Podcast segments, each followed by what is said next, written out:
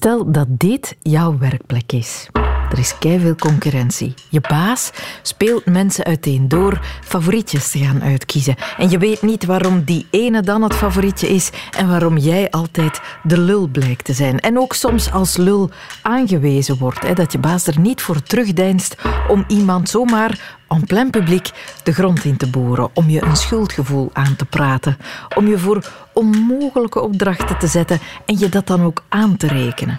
Als er veel conflict is, als er wordt geroddeld, ook door de leidinggevende zelf, over jouw collega's of over jou. Als er geroepen wordt, als woede-uitbarstingen normaal zijn en je hebt geen idee wanneer de volgende uitbarsting gaat komen, dan A. Tu. Dan A heb ik met je te doen. Want B, dan zit je met een toxische leidinggevende. En wat dan? Daar wil ik het over hebben. Welkom in de wereld van Sophie.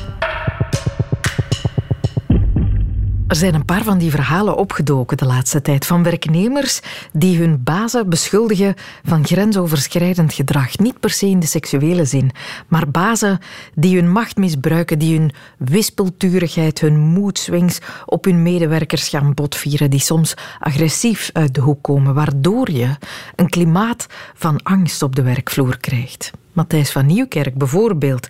Bekendste verhaal. De verhalen van ex-medewerkers van die super joviale, super talkshow-host. Die hebben heel veel mensen gechoqueerd, omdat je het van hem totaal niet verwacht. In eigen land waren er ook onthullingen over een professor aan de KU Leuven en over een festivalorganisator. Wij spraken met twee ex-werknemers van die laatste. De ene hield het bij die man niet langer dan een jaar vol. De andere die stapte op na een aantal jaren dienst. En allebei zijn ze het erover eens. Die leidinggevende was een autoritaire leidersfiguur, op zijn zachtst gezegd. Ze deden hun verhaal bij Anke van Meer en twee acteurs vertellen hun getuigenis na.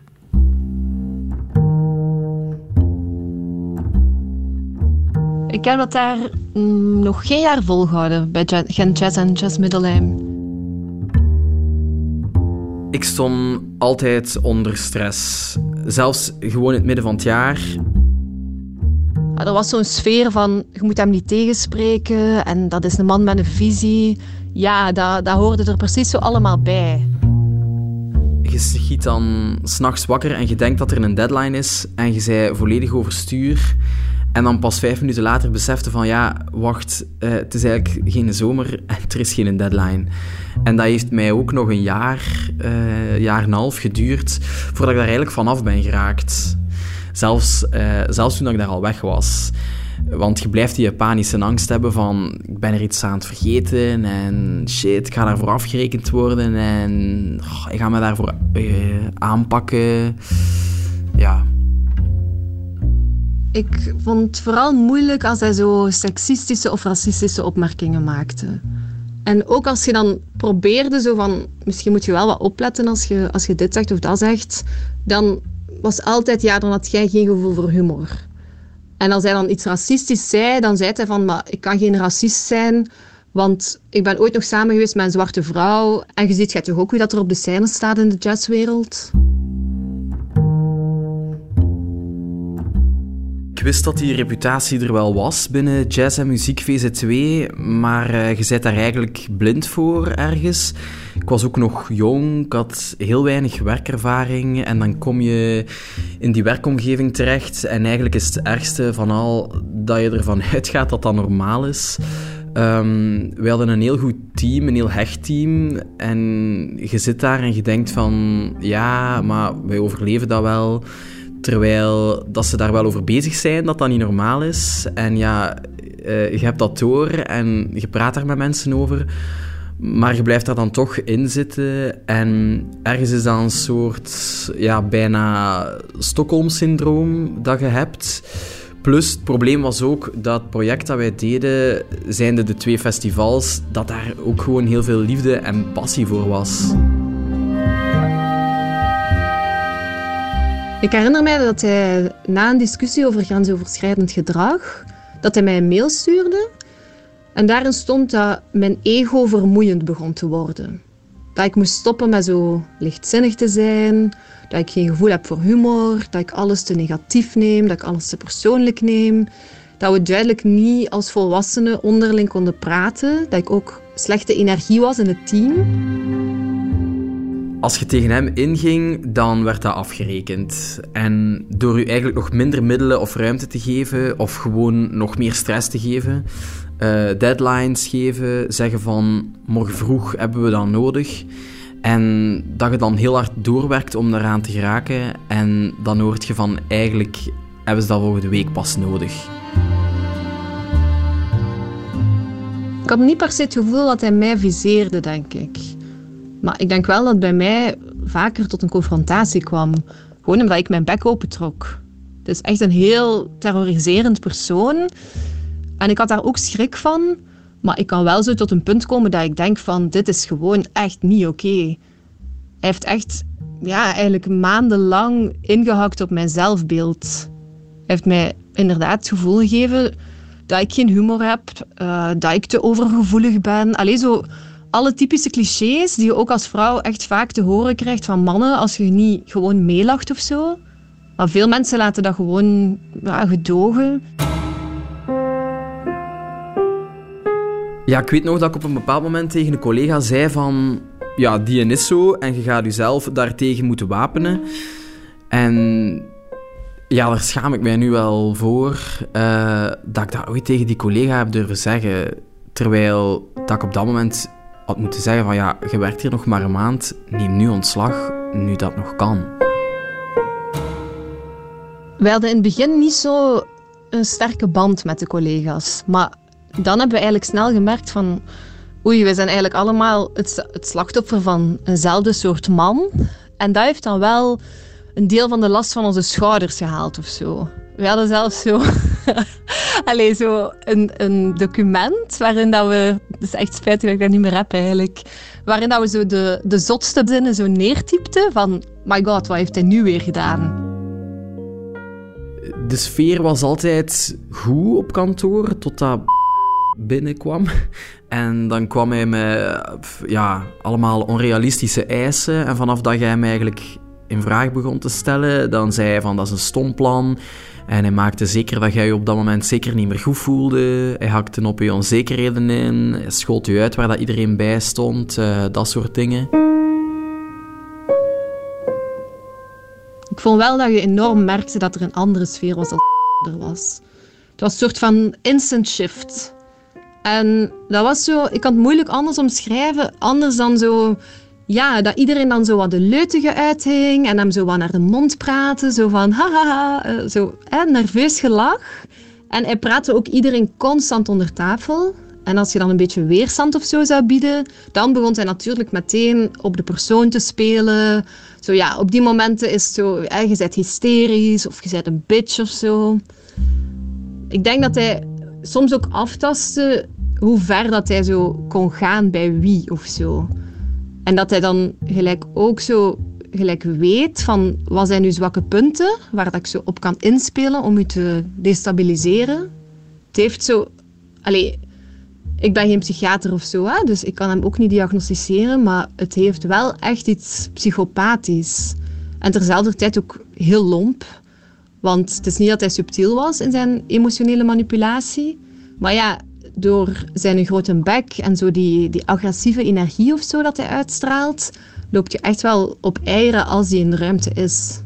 En voor de rest was die man ook gewoon poeslief. We zijn ook op etentjes geweest die er eigenlijk schandalig over waren. En zo probeerde die dat dan, denk ik, te compenseren. Dat was een dictator, hoe dat het ook draait of keert. Hij wist hoe dat hij zijn volk tevreden moest houden, maar zijn volk zag wel af intussen ja, veel mensen zijn ook in therapie moeten gaan achteraf. Ik weet het toch al zeker van, van vier mensen die in therapie zijn gegaan. Ik besef eigenlijk dat ik dat heel hard onderdrukt heb allemaal. Ik zit nu ook in therapie. Ik vind dat heel eng. Hoe dat ik zo maandenlang iemand zoveel macht heb gegeven over hoe dat ik mij voelde. En dat ik gewoon zoiets had van, ik ga nu keihard moeten opletten. Dat dat narratief dat hij mij heeft zo gegeven over mijzelf, van hysterisch, en dat ik dat niet ga internaliseren als ik ben inderdaad effectief die persoon of zo. Want dat vond ik nog het meest terroriserende eraan. Dat ik zo na een tijdje echt begon te denken van... Ja, misschien ben ik echt zo. Ik herinner mij zo een moment... Zo, het festival was net afgelopen. En we zaten te lunchen met heel team. Zo soort van bedanking. Want we hadden echt een heel goede jazz middellijn gedaan. En hij was daar dan. En die, die heeft ons gewoon amper bedankt. En dan begon hij weer alles af te breken. En hij begon dan zo'n hele lijst te maken van alles wat we niet goed gedaan hadden of wat we beter hadden kunnen doen. En ik, ja, toen eigenlijk was het gewoon op. En ik ben toen beginnen wenen en hij heeft me dan voor hysterisch uitgemaakt. En ik weet dat ik, dat ik toen zo ben blijven zitten en dat ik verder heb geweend en dat ik me zo, zo heel klein heb gemaakt. En dat ik dacht van, ja, eigenlijk zou je nu moeten weglopen uit het restaurant. Maar dan heb ik dat uiteindelijk niet gedaan.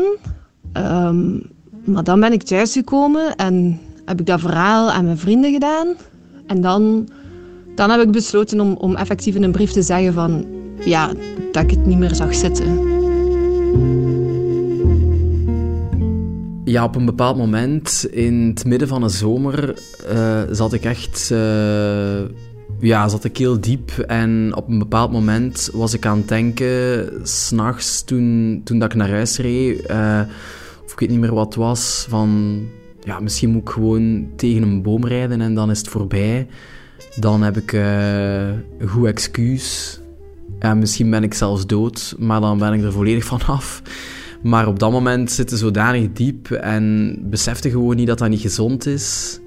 En je staat er niet bij stil dat dat eigenlijk hun schuld is, dat ze onrealistische eisen stellen en dat ze gewoon niet de middelen geven om die te verwezenlijken. En je denkt gewoon van, ja, dat is mijn probleem en ik ga dat moeten oplossen.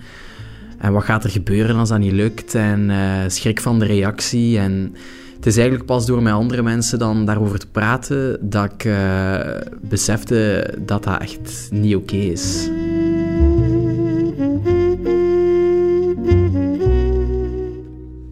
Goh ja, hoe is dat zo lang kunnen verder gaan? Um, waarom zeggen mensen niks? Waarom blijven zo'n dingen in stand? Ja, dat zijn echt machtsspelletjes hè? En, en zo politiek. En allez, dat is mijn visie daarop. Het is gewoon echt een fucked-up systeem. En ik ben ook nog heel benieuwd hoeveel lijken dat er nog uit de kast gaan vallen. Want ik denk echt dat dit nog maar het topje van de ijsberg is eigenlijk. Want die heeft dat wel gewoon jarenlang kunnen volhouden. Hè? Dus sowieso zijn er veel ogen dichtgeknepen.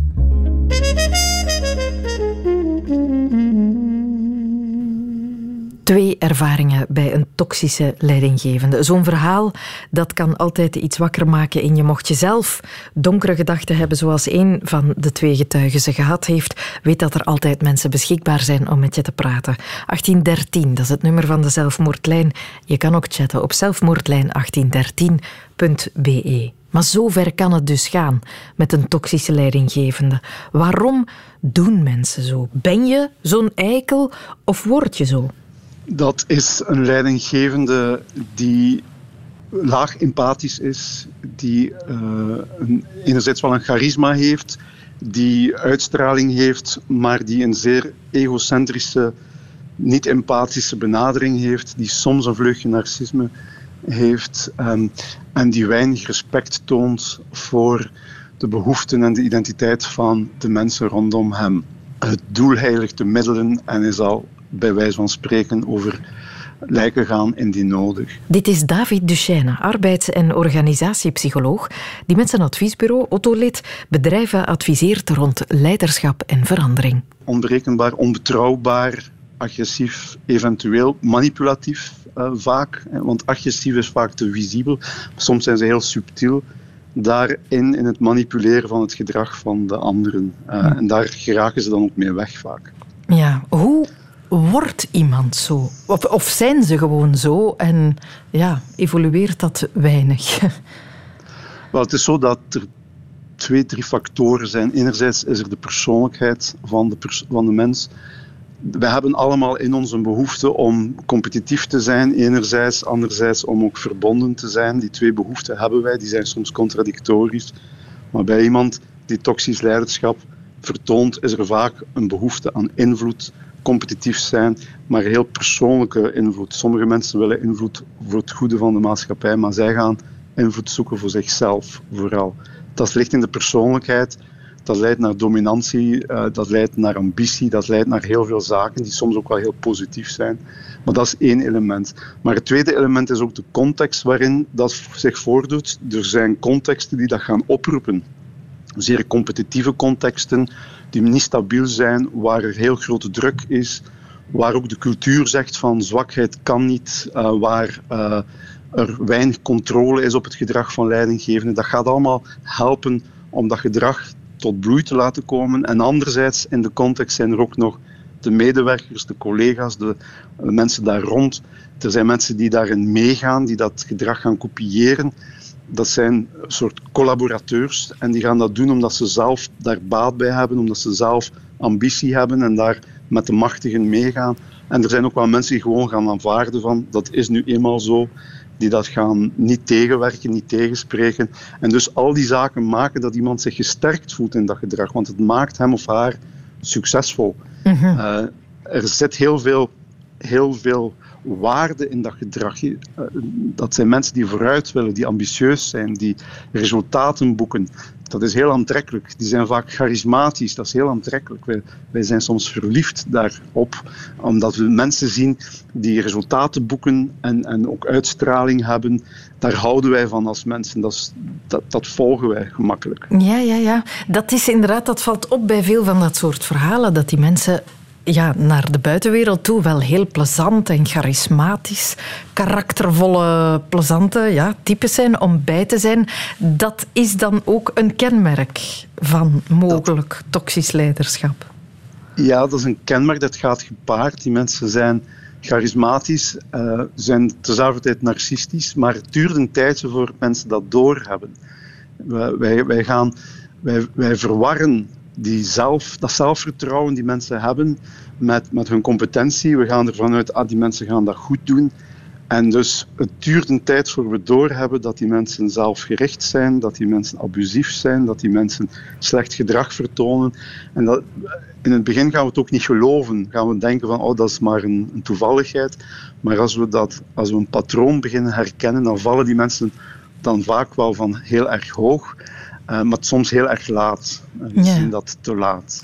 Succes, macht lijkt ook fout gedrag te gaan legitimeren. Hè? Op een of andere manier. Ja, die misdraagt zich, maar kijk eens wat een formidabel, succesvol persoon. Uh, het lijkt alsof het een het andere verantwoordt.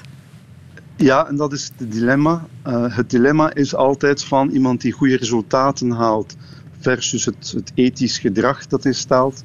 Uh, hoe gaan we dat afwegen? En in heel veel situaties zegt men dat inderdaad hij haalt, hij of zij haalt de resultaten, haalt de doelstellingen, heeft hoge kijkcijfers.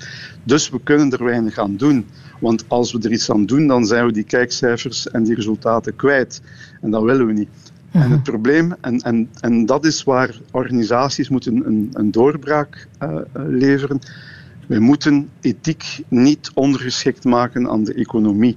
Wij gaan te veel ervan uit dat we die resultaten niet kunnen gaan vervangen en gaan dus daardoor slecht gedrag accepteren.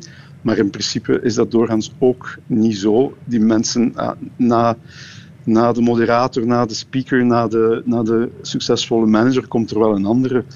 En wij moeten dus heel veel uh, uh, moeite steken in het goed selecteren van die mensen. Ja, ja, maar niet zomaar behouden van die mensen.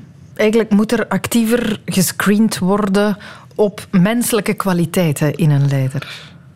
Ik ben ervan overtuigd, als we dat niet doen, dan gaan we altijd een verwarring hebben tussen die, dat zelfvertrouwen en die competentie. We gaan ons mhm. laten verleiden door dat zelfvertrouwen en dan gaan we mensen ook stimuleren om zo'n gedrag te stellen.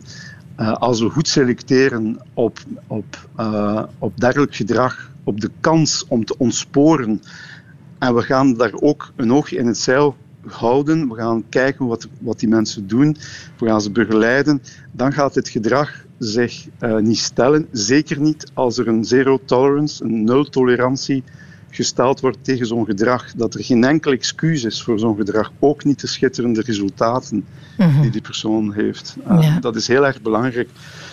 maar we zien met al die cases dat het altijd heel erg lang duurt voordat dat er naar boven komt. Ook ja, het geval van het Festival van Vlaanderen, dat is al lang aan de gang. En nu pas komen mensen bij MeToo-cases, heel laat komen mensen ermee af, omdat de persoon die dat gedrag stelt macht heeft, die mhm. heeft invloed, mhm. die, is, die is ongenaakbaar of die wordt zo gezien. En dus gaan mensen zich aanpassen daaraan, gaan het aanvaarden of gaan ze meedoen of gaan ze weglopen. Heel vaak lopen ze weg, um, maar er wordt te weinig in tegenin gegaan. Maar die mensen, die leidinggevenden, laten ook dissidente stemmen niet toe. Mhm. Dat zijn afvalligen, die worden dan vernietigd, die worden buitengebonjourd, die worden bestreden, eh, omdat die niet passen in het verhaal dat die mensen stellen. Ik kreeg een eh, reactie van een luisteraar in de Radio 1-app. Die zei spijtig dat jullie het hier weer over drie mannen hebben. Vrouwen doen dit net zozeer. Klopt dat? Eh, zie je dit soort patronen net zozeer bij vrouwen opduiken? Wel, ik, zag daarnet het, eh, ik zei daarnet dat er twee tendensen zijn: het competitieve en het meer uh, verbondene. Ehm, vrouwen kunnen even goed competitief zijn, maar statistisch ga je dat soort gedrag net wat meer vinden bij mannen dan bij vrouwen. Het is ook wel zo dat bij de context van dergelijk gedrag er ook vrouwen meedoen met dat gedrag en eventueel daardoor ook succesvol kunnen zijn. Maar het is eerder een masculien gebeuren dan het een feminien gebeuren is. Mhm. Er is een boek uh, verschenen en dat, heet, dat boek heet Why do so many incompetent men become leaders? Waarom zoveel incompetente mannen leidinggevende worden, dat is omdat zij veel beter zijn in zelfvertrouwen, in, in, in, in uh, competitief gedrag. Dus meer mannen dan vrouwen. Ja, ja. En dat wordt beloond, zelfvertrouwen. Um, sommige van die verhalen zijn eigenlijk echt ontstellend. Mensen uitschelden, mensen kleineren, belachelijk maken, uh, roepen tegen iemand. Als iemand dat soort gedrag gaat stellen, in hoeverre zijn zij zich daarvan bewust dat dat eigenlijk echt niet kan? Als zij geen feedback krijgen uit de omgeving, hebben zij heel weinig zelfinzicht wat dat betreft. Voor hen is dat oké. Voor hen is dat normaal. Zij, zij vinden dat ook succesvol en effectief gedrag. Want mensen passen zich eraan aan, dus het is effectief. Dus zij zien daar uh, minder problemen in. En dat is ook een van de moeilijkheden als je die mensen wil begeleiden ze hebben vrij, weinig zelfinzicht daarin. Ze gaan dan dingen zeggen van, ik verontschuldig mij dat mensen zo gereageerd hebben op mijn gedrag. Dat was mijn bedoeling niet. Um, maar het gaat altijd over de reactie van de anderen. Het zijn mhm. mensen die reageren, het zijn zwakkere mensen die reageren. Je moet er maar tegen kunnen. Uh, ik, ik, bedoel het goed, zeggen ze dan. Maar ze hebben wel veel schade aangericht. Mhm. En dat is het grote probleem. Die mensen zijn moeilijk te coachen. Ja, wel. Dan kan je een traject met dat soort leidinggevende opzetten. Dat is dan quasi zinloos. Ik ben nogal pessimistisch. Het is niet onmogelijk, maar ik ben toch nogal pessimistisch als die vraag er niet is. Als die persoon niet zelf zegt van ja, ik heb... Ik heb uh, in feite gaat het slecht door dat mhm. gedrag. Uh, heb ik problemen door dat gedrag en ik wil daar iets aan veranderen aan dat gedrag als die vraag daar niet is, dan is het heel erg moeilijk. Uh, narcistische mensen zijn ook moeilijk behandelbaar, omdat ze geen vraag hebben. Mm Ze, vinden zich grandioos, ze vinden zichzelf succesvol, er is geen betere. En ze gaan zichzelf ook projecteren op de anderen en vergelijken met de anderen. En iemand die anders is, gaat dan ook minder succesvol zijn voor hen, zwakker enzovoort. Dus zij, zij zien dat mhm. gewoon niet. Dat is, een, dat is een blinde vlek die heel moeilijk um, te, te, te, veranderen is. En soms gebeurt dan iets ergs. Ze worden ontslaan, ze gaan weg, ze moeten weg. En dan nog gaan ze zeggen van, maar ik begrijp het niet, ik had toch mijn resultaten. En ja, misschien was er iemand unhappy, maar zo erg was dat nu toch ook weer niet. Dus ze zien dat niet. Uh, en als ze het zien, als ze het zien, het gebeurt af en toe, dan zijn ze vaak ook wel depressief bijna. Omdat ze zeggen, ja, dat kan toch niet. Heel mijn leven is daarop zo opgebouwd. Dat kan gewoon niet. En toch ja, gaat de omgeving op een bepaald moment zeggen van onaanvaardbaar, maar altijd heel laat. Ja. Dat begrijpen ze niet. En komt het erop neer om dat soort mensen eigenlijk uit leidinggevende functies te weren? Daar hadden we het daar net al even over, dat daar grondig op gescreend moet worden. Stel nu dat iemand dit hoort en denkt, Ju, ik werk ook voor zo iemand. Wat zou uw advies zijn dan? Wel, uh, er zijn twee, twee zaken. Enerzijds, je kunt dat moeilijk bestrijden, want dat is heel vaak ook risicovol voor iemand. Maar je mag het ook niet gaan voeden. Dus uh, blijf ervan weg, probeer dat te beperken, uh, ga je contacten beperken. Ga ook niet het gedrag van de ander versterken. Dat is één, dus versterk het niet, help het niet, steun het niet. Anderzijds, als je zelf het slachtoffer bent van dat soort gedrag, dan moet je hulp zoeken. Um, want, want ofwel ga je weglopen, ofwel ga je eraan kapot.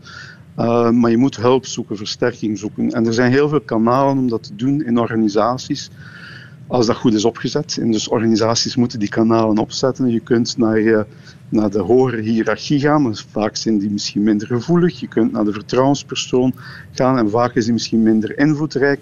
Je kunt naar de externe dienst voor preventie gaan. Daar is iemand die onafhankelijk zit. En je kunt eventueel een klacht indienen, een formele klacht. Nu, mhm. dan is het al heel ver gekomen. Maar er zijn wel kanalen die, uh, die u kunnen helpen als je zelf niet voldoende sterk staat om ermee om te kunnen gaan zonder eraan mee te werken. Ja. Dus, maar je mag het niet laten gebeuren, want, want de, de gevolgen uh, op jezelf zijn desastreus. Uh, heel veel mensen hebben dus zelftwijfel, gaan ook de schuld bij zichzelf leggen, gaan, uh, gaan mentale problemen ontwikkelen, gaan, uh, gaan, hun, hun, waardigheid is, is, ver, is vernietigd, hun, hun zelfwaardering is, is weg. En dus -hmm. dat is, zijn dingen die je niet zo ver mag laten komen. Dus soms is, is, vluchten dan nog de beste optie. Als je zegt van kom, ik ga het niet vechten, ik ga dan weg. Maar dat is natuurlijk unfair ten opzichte van van die personen en uh, een feit ten opzichte van de organisatie. En opnieuw beloont dat de leidinggevende die dan weer een kritische uh, stem of een zwakker persoon mm -hmm. kwijt is. Laat die boodschap duidelijk zijn. Ingrijpen moet, hoe dan ook, hoe moeilijk ook. En moeilijk is het? Daarover heeft Ronit Palache een essay geschreven eerder dit jaar.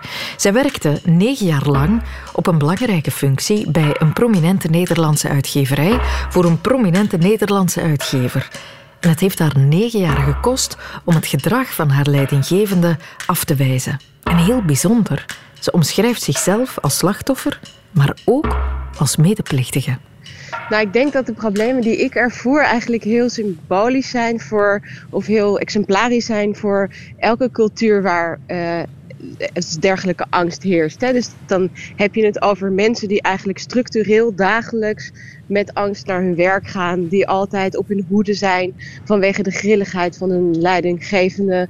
Um, dus dat ze met elkaar niet op een relaxte manier eigenlijk werken, omdat er een uh, onplezierige werksfeer heerst. Dus het is ook heel belangrijk om daarin aan te merken dat het niet gaat over iemand die incidenteel een keer uit zijn slof schiet en dan sorry zegt. Want dat moet een leidinggever natuurlijk altijd zich nog kunnen permitteren. Hè? Dat hij kritiek zou kunnen hebben op je werkzaamheden of anderszins um, zich zou kunnen, moeten kunnen uiten als er iets niet goed gaat. Want iemand blijft eindverantwoordelijk. Maar als iemand structureel zich misdraagt naar werknemers, en dat blijkt wel uit wat ik beschrijf en wat later ook in een eigen onderzoek van de krant waarin ik publiceerde, de Volkskrant, werd onderschreven door andere ex medewerkers, mhm. dan is er iets niet pluis. Opmerkelijk in uw essay is dat u schrijft dat u niet alleen slachtoffer was van een opvliegende, onberekenbare, eigenlijk lompe baas, uh, maar ook medeplichtige. Hoe zat dat dan?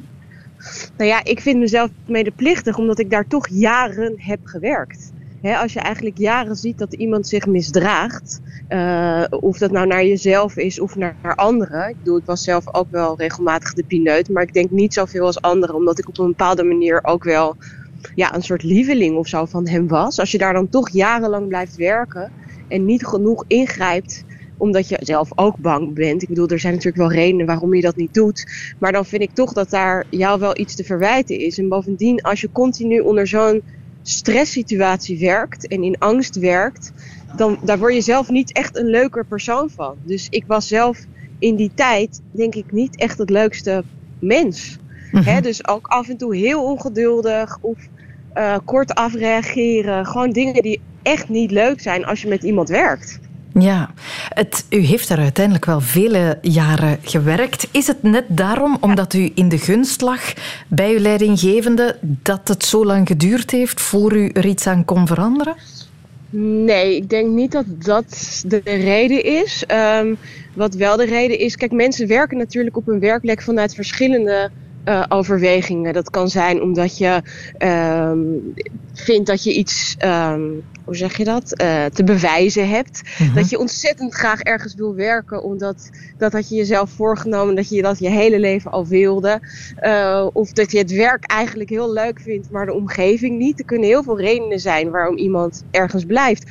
En ook omdat iemand denkt, ja, wie zit er anders op mij te wachten? Mhm. Het is eigenlijk een ongezonde reactie, denk ik, van mensen dus ook van mij destijds, om ergens te blijven waar je zo structureel toch vernederd wordt. Dat is niet gezond. Ja, wat was het punt? Maar tegelijkertijd is het heel begrijpelijk dat mensen daar dan ook in blijven. Alleen ik denk nu is er wel echt iets van een kentering aan de gang. Er is een veranderend tijdsgevricht waarin we, waarbinnen we hopelijk collectief gaan bedenken dat dat niet de manier is zoals je met elkaar omgaat. En als dat de nieuwe norm wordt, dan worden mensen ook makkelijker aangespoord om er iets van te zeggen. Maar altijd die uh, beschuldigende kaart uitdelen aan mensen die dat heel moeilijk vinden. Of jarenlang dat niet hebben gedaan. Of uh, niet eens jarenlang, maar een klein tijdje. Dat is wel logisch om zo te denken. Maar als je daar niet middenin zit, is dat toch heel veel makkelijker dan wanneer je eigenlijk mhm. zelf helemaal niet meer begrijpt hoe je hierin verzeild hebt kunnen raken en hoe je eigen grens steeds meer opschoof. Het voelt aan als victim blaming, als dat soort dingen ter sprake komen. Nou ja, ik, ik, ik, ik hoorde iemand een, een uh, vergelijking maken van ja, een vrouw die heel lang blijft bij een man die haar slaat. Kun je wel zeggen, waarom bleef je zo lang? Maar uiteindelijk is dat zeg maar niet het probleem. Het probleem mhm. is denk ik dat die man haar sloeg. Mhm, inderdaad. Wanneer was voor u uh, plots, wat was de druppel waardoor u plots besefte, wat ben ik eigenlijk aan het doen? Dit moet stoppen. Nou, dat was eigenlijk een fysieke reactie. Dus ik merkte dat elke keer als ik thuis kwam van mijn werk en naar bed ging s'nachts en ook heel laat pas ging slapen omdat ik de slaap niet kon vatten, dat ik voortdurend last had van hartkloppingen. Dus een enorm gejaagd stressgevoel in mijn lichaam. En een enorme weerzin om de volgende dag weer naar mijn werk te moeten. Terwijl ik dat ooit echt met heel veel plezier had gedaan. Dat plezier was er gewoon helemaal uitgegleden door de druk, door de continue spanning van hoe de dag zou beginnen, hoe zijn bui zou zijn, hoe, uh, ja, hoe ik het zelf nog vol kon houden, al die ballen in de lucht houdend. Um, weet je wel, 200 boeken per jaar die er werden gepubliceerd en twee publiciteitsmedewerkers in totaal die dat dan voor elkaar moesten boksen. Dat, dat waren gewoon, ja, dat, onder zo'n grote druk kan je eigenlijk bijna niet werken. En toen heeft hij op enig moment besloten om uh, Mein Kampf uit te geven. Uh-huh. Uh, en in principe had ik daar niet zo heel veel moeite mee, omdat ik ja, ik, ik, ik kan me voorstellen dat je een manier vindt om zo'n boek uit te geven met een enorm goede historische context of met een notenapparaat of nou weet ik veel. En dat is er uiteindelijk op een andere manier van gekomen. En toen wilde er een, uh, een columnist in Nederland niet meewerken. En toen noemde hij dat een jodenstreek. En ik ben zelf joods. En uh, ik vond dat echt, ja, ik vond dat zo schokkend. En uh, toen voelde ik me nog drie dubbel, zeg maar, niet meer op mijn plek. Maar dat voelde ik al niet, want het ging al echt, ook fysiek niet goed, hè. Nee. Mm -hmm. Ja, dan bent u vertrokken. We zijn nu drie jaar later. U heeft dat essay geschreven. Het moet een ongelooflijk heftige tijd zijn geweest voor u. Heeft u veel reactie gekregen op uw verhaal? Ik heb echt krankzinnig veel reacties gekregen. ja? Zeker. Van mensen die uh, u begrijpen, die zich herkennen in uw verhaal? Nou, dat was ook wel het opvallende. Ik kreeg heel veel reacties van mensen uit hele andere disciplines die dat soort gedragingen herkenden vanuit hun eigen organisaties. Eh, echt de één op één ja, situaties terwijl je uit een totaal ander veld eigenlijk komt. Maar de manier waarop er werd gereageerd of werd omgegaan met kritiek, of eigenlijk niet werd omgegaan. Uh, iedereen die een andere mening erop nahield of vertrok, verraden, als verrader werd aangeduid. Nou ja, de, de, de parallellen waren zo groot, ook op andere plekken, dat ik me heel goed heb gerealiseerd dat dat niet alleen een probleem was wat ik heb ervaren of zo in die, uh, in die. Maar dat het een breed gedragen probleem is op heel veel plekken in werksituaties. Ja, en dan is het goed dat er veel over gesproken wordt, hè, zodat uh, dit soort verhalen nog meer ja, naar de en oppervlakte dat echt, Ja, dat en dat we echt proberen met elkaar om te snappen dat je werk, het is werk En als iedereen met angst naar zijn werk gaat, dan is dat niet goed. En dan moet er een manier zijn om dat te kunnen aankaarten. En als je een baas hebt die daar niet vatbaar voor is, dan zullen er echt instanties moeten gaan komen waarbij je verhaal kunt doen op een neutrale, vertrouwelijke manier. Dus niet iemand die in dienst is van dat bedrijf of daar zo ingeburgerd is dat je alsnog je verhaal eigenlijk niet kwijt kan. Ja, dat belang van de externe vertrouwenspersoon, dat kan niet onderschat worden. Dat bleek ook uit de stortvloed aan reacties die ik kreeg toen we al deze verhalen op de radio brachten. Want dit is een podcast, maar de wereld van Sophie is ook elke weekdag te horen op Radio 1. Dat is telkens tussen 10 uur en 12 uur in de voormiddag. En dit zijn enkele van de appjes die ik toen kreeg. Beste Sophie, zelf heb ik tegen mijn baas klacht neergelegd. Na tien maanden herstel van burn-out werd ik bij terugkeer vrijgesteld van activiteit en stopte de werkgever gewoon met betalen. De getuigenissen die ik net hoorde maakten iets in me wakker. Namelijk, het wordt tijd dat ook jij spreekt. Ik heb het over een toxische werkplek met een regisseur die mijn zelfbeeld aan diegelen heeft geslagen. De hogere directie en HR doen niks, terwijl mijn toxische baas de hele organisatie treft. Ik heb hen nu laten veroordelen voor verplichte werkverschaffing. Met vonnis in de hand terug aan de slag. Ik denk nu psychologisch gewapend te zijn. Wish me luck.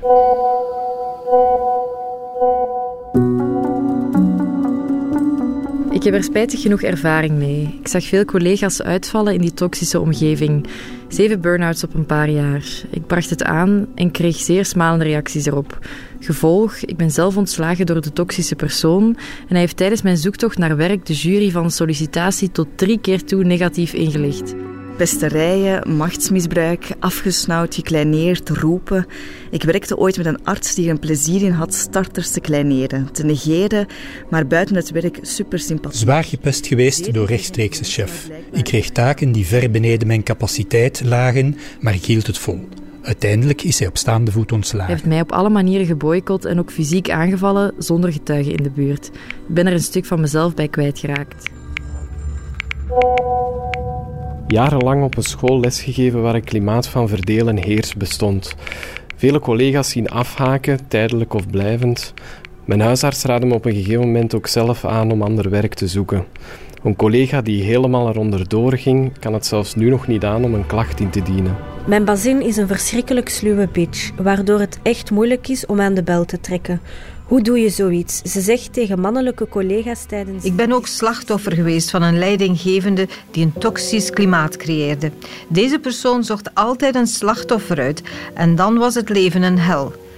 Gelukkig werk ik er niet meer. Maar hij is nog altijd bezig. Ik hoor nog altijd dat hij slachtoffers maakt. Dat maakt mij nog steeds ongelukkig. Iedereen weet het, maar toch lukt het niet om hem te doen stoppen.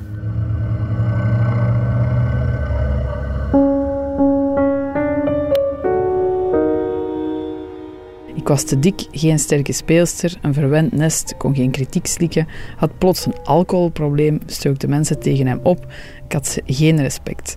Ik ben sinds die periode aan de antidepressiva geraakt en nooit meer op een podium geklommen. Ik kwam dagenlang huilend terug van repetities. Achteraf gezien is het echt onbegrijpelijk dat ik daar toen niet onmiddellijk gestopt ben. Vier van de vijf van mijn toxische leidinggevenden werden gelukkig al ontslagen, maar ze vonden helaas snel een andere leidinggevende functie in dezelfde sector. Ze zijn moeilijk te stoppen. Ik heb er zelf een drankverslaving door gekregen. Gelukkig heb ik dit kunnen overwinnen. Het had bijna gans mijn leven verwoest. Tijdens het luisteren van de getuigenissen krijg ik terug deze pijn en angsten. Ik werkte jarenlang onder een schrikbewind. Ik ben uiteindelijk ontslagen gebaseerd op leugens. Ik had ook een producer die zo was. Ik had het aangeklaagd en werd daarom bestraft door de persoon in kwestie. Tot nu toe noem ik zijn naam niet uit angst voor vergelding, alhoewel ik niet meer werk. Toch blijft hij gevaarlijk voor mij. Ik zat al vijf keer in mijn leven in een toxische werkplek en was steeds de eerste van de collega's die er tegenin ging. Ik kreeg dus steeds het ergste te verduren. De leidinggevenden vielen me persoonlijk aan en hebben me steeds proberen buiten te zetten met dreigingen en zelfs schriftvervalsingen. Ik werk samen met mijn broer, moeder en vader in een familiebedrijf. Echter vrees ik dat mijn vader lijdt aan een zware vorm van narcisme. Dit maakt dat ik zelf en mijn moeder soms psychologisch worden vernederd. Ik moet met leden ogen aanschouwen hoe de firma jaar na jaar minder goed draait en dat we harder moeten werken. Narcisme is niet te genezen. Jammer. Ik ben door mijn CEO aan de deur gezet als vast ambtenaar. Ik heb een chronische ziekte en was dus vaak afwezig.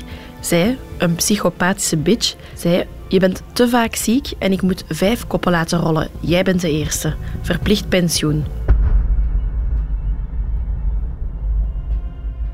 Ik heb op mijn werk zo'n heel team en geen mens die er iets aan doet. Ik moet nog een jaar voor mijn pensioen, maar hier is nul respect. Een paar jaar geleden werkte ik op een prestigieuze bank.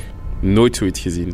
Brullen en bulderen om het nadien goed te maken met dikke bonussen en exclusieve uitstapjes. Vreselijk. Wat moet je doen als je toxische baas ook de eigenaar is van een relatief klein bedrijf en je omwille van je leeftijd geen uitwijkmogelijkheden meer hebt? Mijn zoon zijn zelfbeeld en vertrouwen is volledig weg. Vluchten is geen optie. Er wordt hem gezegd dat hij maar wat harder en minder gevoelig moet worden. Ik heb nog nachtmerries en angsten door het zware ondermijnen, pesterijen en treiteren. Ik had de job van mijn leven, maar eerlijk, het leven is te mooi om mij door één narcistisch persoon kapot te laten maken.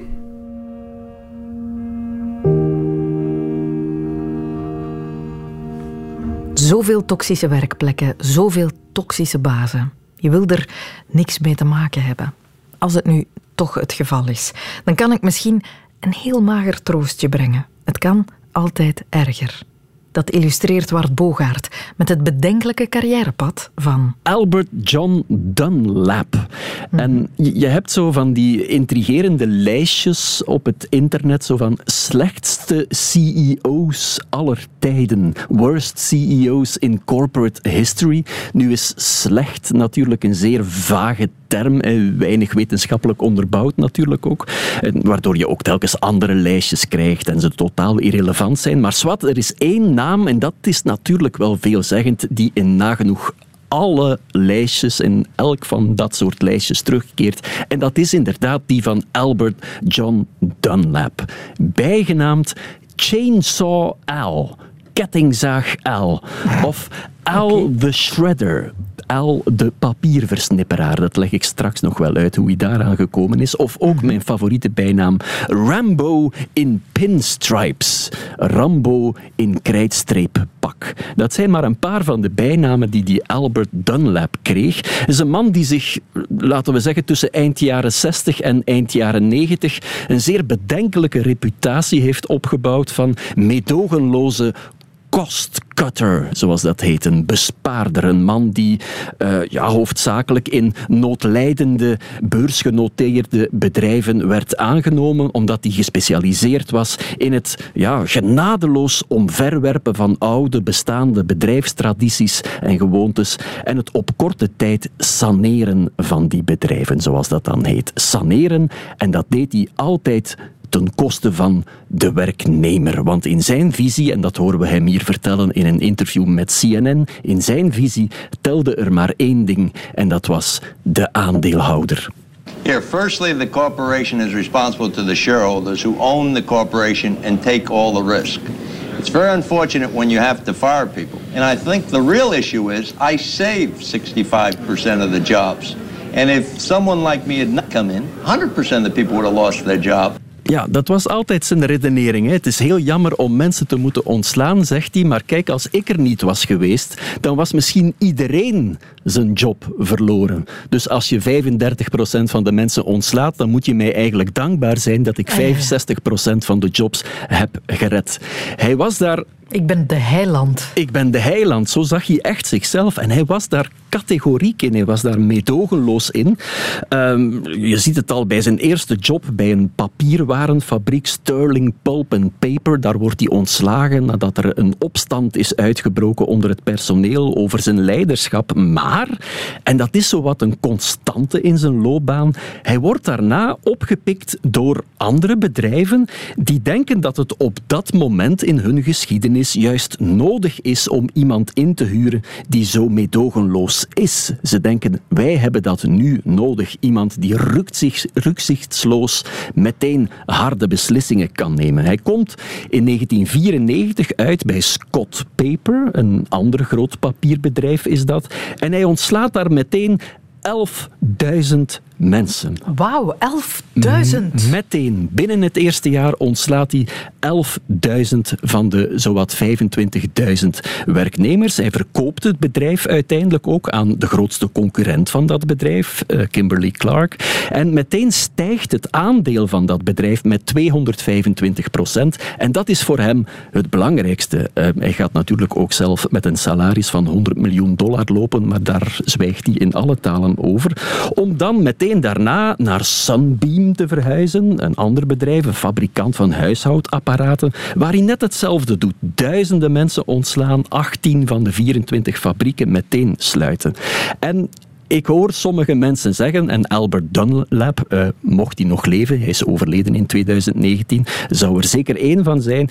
Ja, kijk, à la guerre comme à la guerre. Uh, dramatische omstandigheden vergen dramatische maatregelen. Mhm. Maar het kwalijke is dat uit alle verhalen over die Dunlap blijkt ja, dat hij een soort duivels, demonisch genoegen schept in al die ontslagen. Hij doet het heel vaak zelf ook.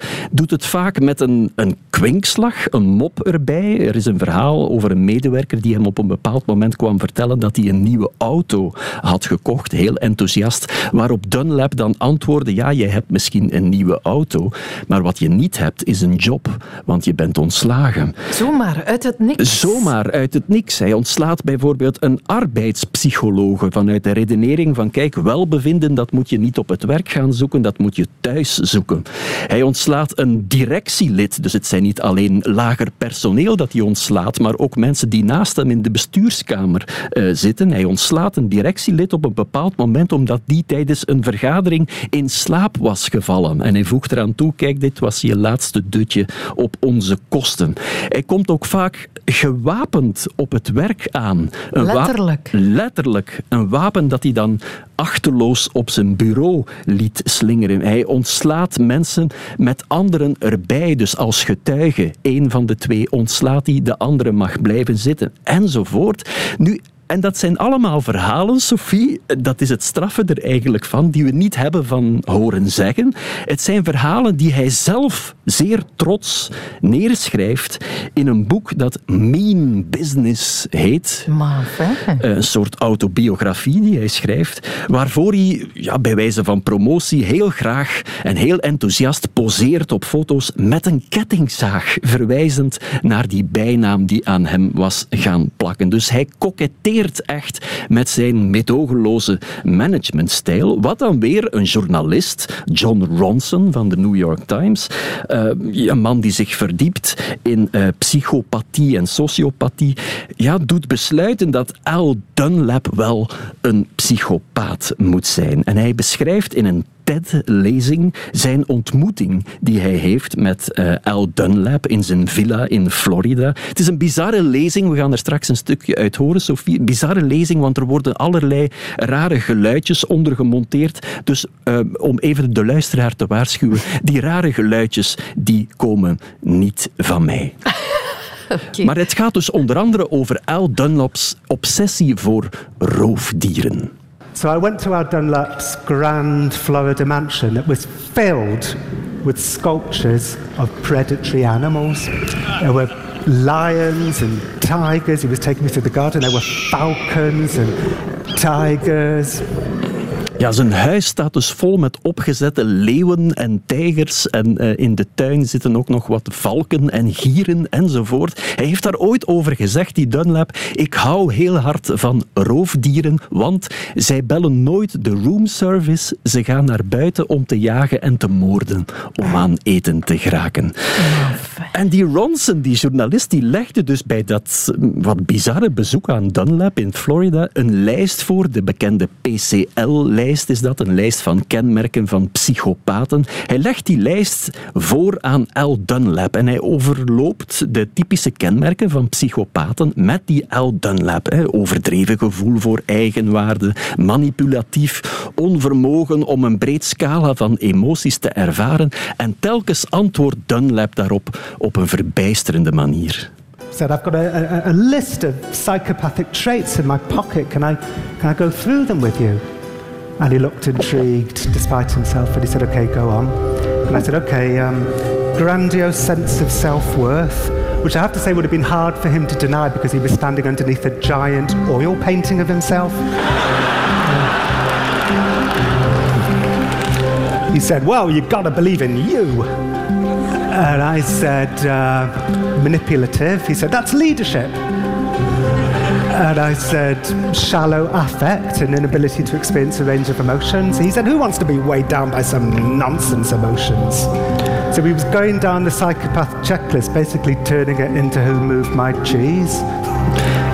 Ja, en zo bij het overlopen van al die kenmerken, manipulatief, zegt hij, ja, maar ja, dat is juist een kenmerk van een goede leider. Overdreven gevoel van zelfwaarde, ja, ja ik, ik moet gewoon zijn wie, je moet gewoon zijn wie je bent. Bovendien stond hij net op dat moment onder een reusachtig olieverfschilderij van zichzelf. Dus wat door psychologen en psychiaters als typische kenmerken van psychopathie wordt ervaren, dat ziet Al Dunlap als bijna basisvoorwaarde voor goed leiderschap. Nu, hij is eind jaren negentig van zijn sokkel gevallen. Eh, nogal hard trouwens. Toen bleek dat hij er naast zijn dubieuze praktijken op eh, personeelsbeleid er ook nog eens zeer dubieuze boekhoudkundige praktijken eh, op nahield. En het is pas vanaf dan, en daar kan je je toch wel vragen bij stellen, het is pas vanaf dan dat men zich is beginnen afvragen hoe zo'n man er toch decennia lang in geslaagd is om, om medestanders te vinden en om door te gaan uh, met waar hij mee bezig was en op de manier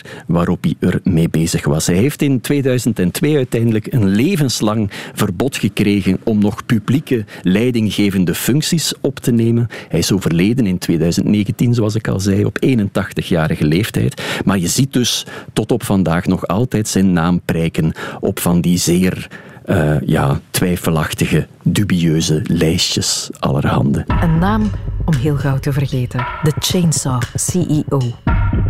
Dit was de wereld van Sophie over toxische bazen. Als je ons graag contacteert, op iets reageert, kan en mag via de wereld van Sophie at radio1.be.